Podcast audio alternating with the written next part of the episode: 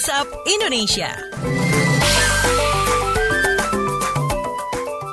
Kita awali dari Jakarta, Wisman ke Indonesia capai 1,5 juta kunjungan bulan lalu. Selengkapnya dilaporkan reporter KBR Astri Septiani. Selamat pagi. Selamat pagi. Badan Pusat Statistik atau BPS mencatat jumlah kunjungan wisatawan mancanegara ke Indonesia Agustus 2019 mencapai 1,56 juta kunjungan. Ketika merilis berita resmi statistik, Kepala BPS Suharyanto menyebut ada kenaikan sebesar 4,83 persen kunjungan Wisman dibandingkan Juli 2019 dengan dominasi wisatawan menggunakan angkutan udara sebesar 64 persen. Suharyanto menambahkan, Wisman terbanyak berasal dari Malaysia, disusul oleh Tiongkok, Singapura, Australia, dan Timor Leste. BPS juga mencatat Wisman dari Amerika Serikat dan Filipina juga meningkat pada Agustus 2019. Sementara secara kumulatif Januari hingga Agustus, jumlah Wisman ke Indonesia mencapai 10,87 juta kunjungan.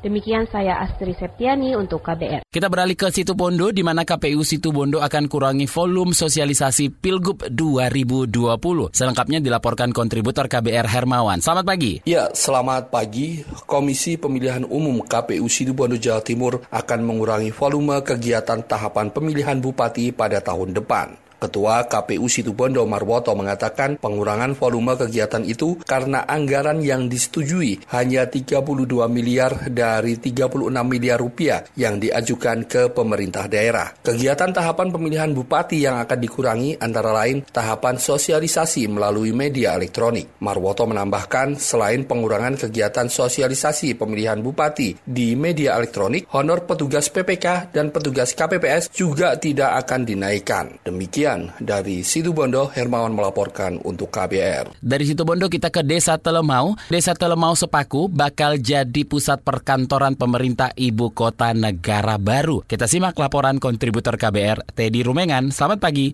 Selamat pagi. Pemerintah pusat menetapkan Desa Telemau, Kecamatan Sepaku, Kabupaten Penajam Pasir Utara, Kalimantan Timur menjadi pusat perkantoran pemerintahan di ibu kota negara yang baru. Kepala Bapenas Bambang Bambang Brojonegoro mengatakan pemilihan lokasi desa Telemau karena 6.000 lahan yang ada di sana merupakan milik negara. Selain itu kontur tanah di desa Telemau juga datar sehingga memudahkan pembangunan infrastruktur. Bambang Brojonegoro menambahkan tahun depan akan dimulai pembangunan infrastruktur di desa Telemau mulai dari saluran air, jalan raya, zonasi hingga ruang bawah tanah. Bambang menargetkan sebelum empat tahun pembangunan infrastruktur di pusat perkantoran pemerintahan itu sudah selesai. Demikian saya Teddy Rumangan melaporkan.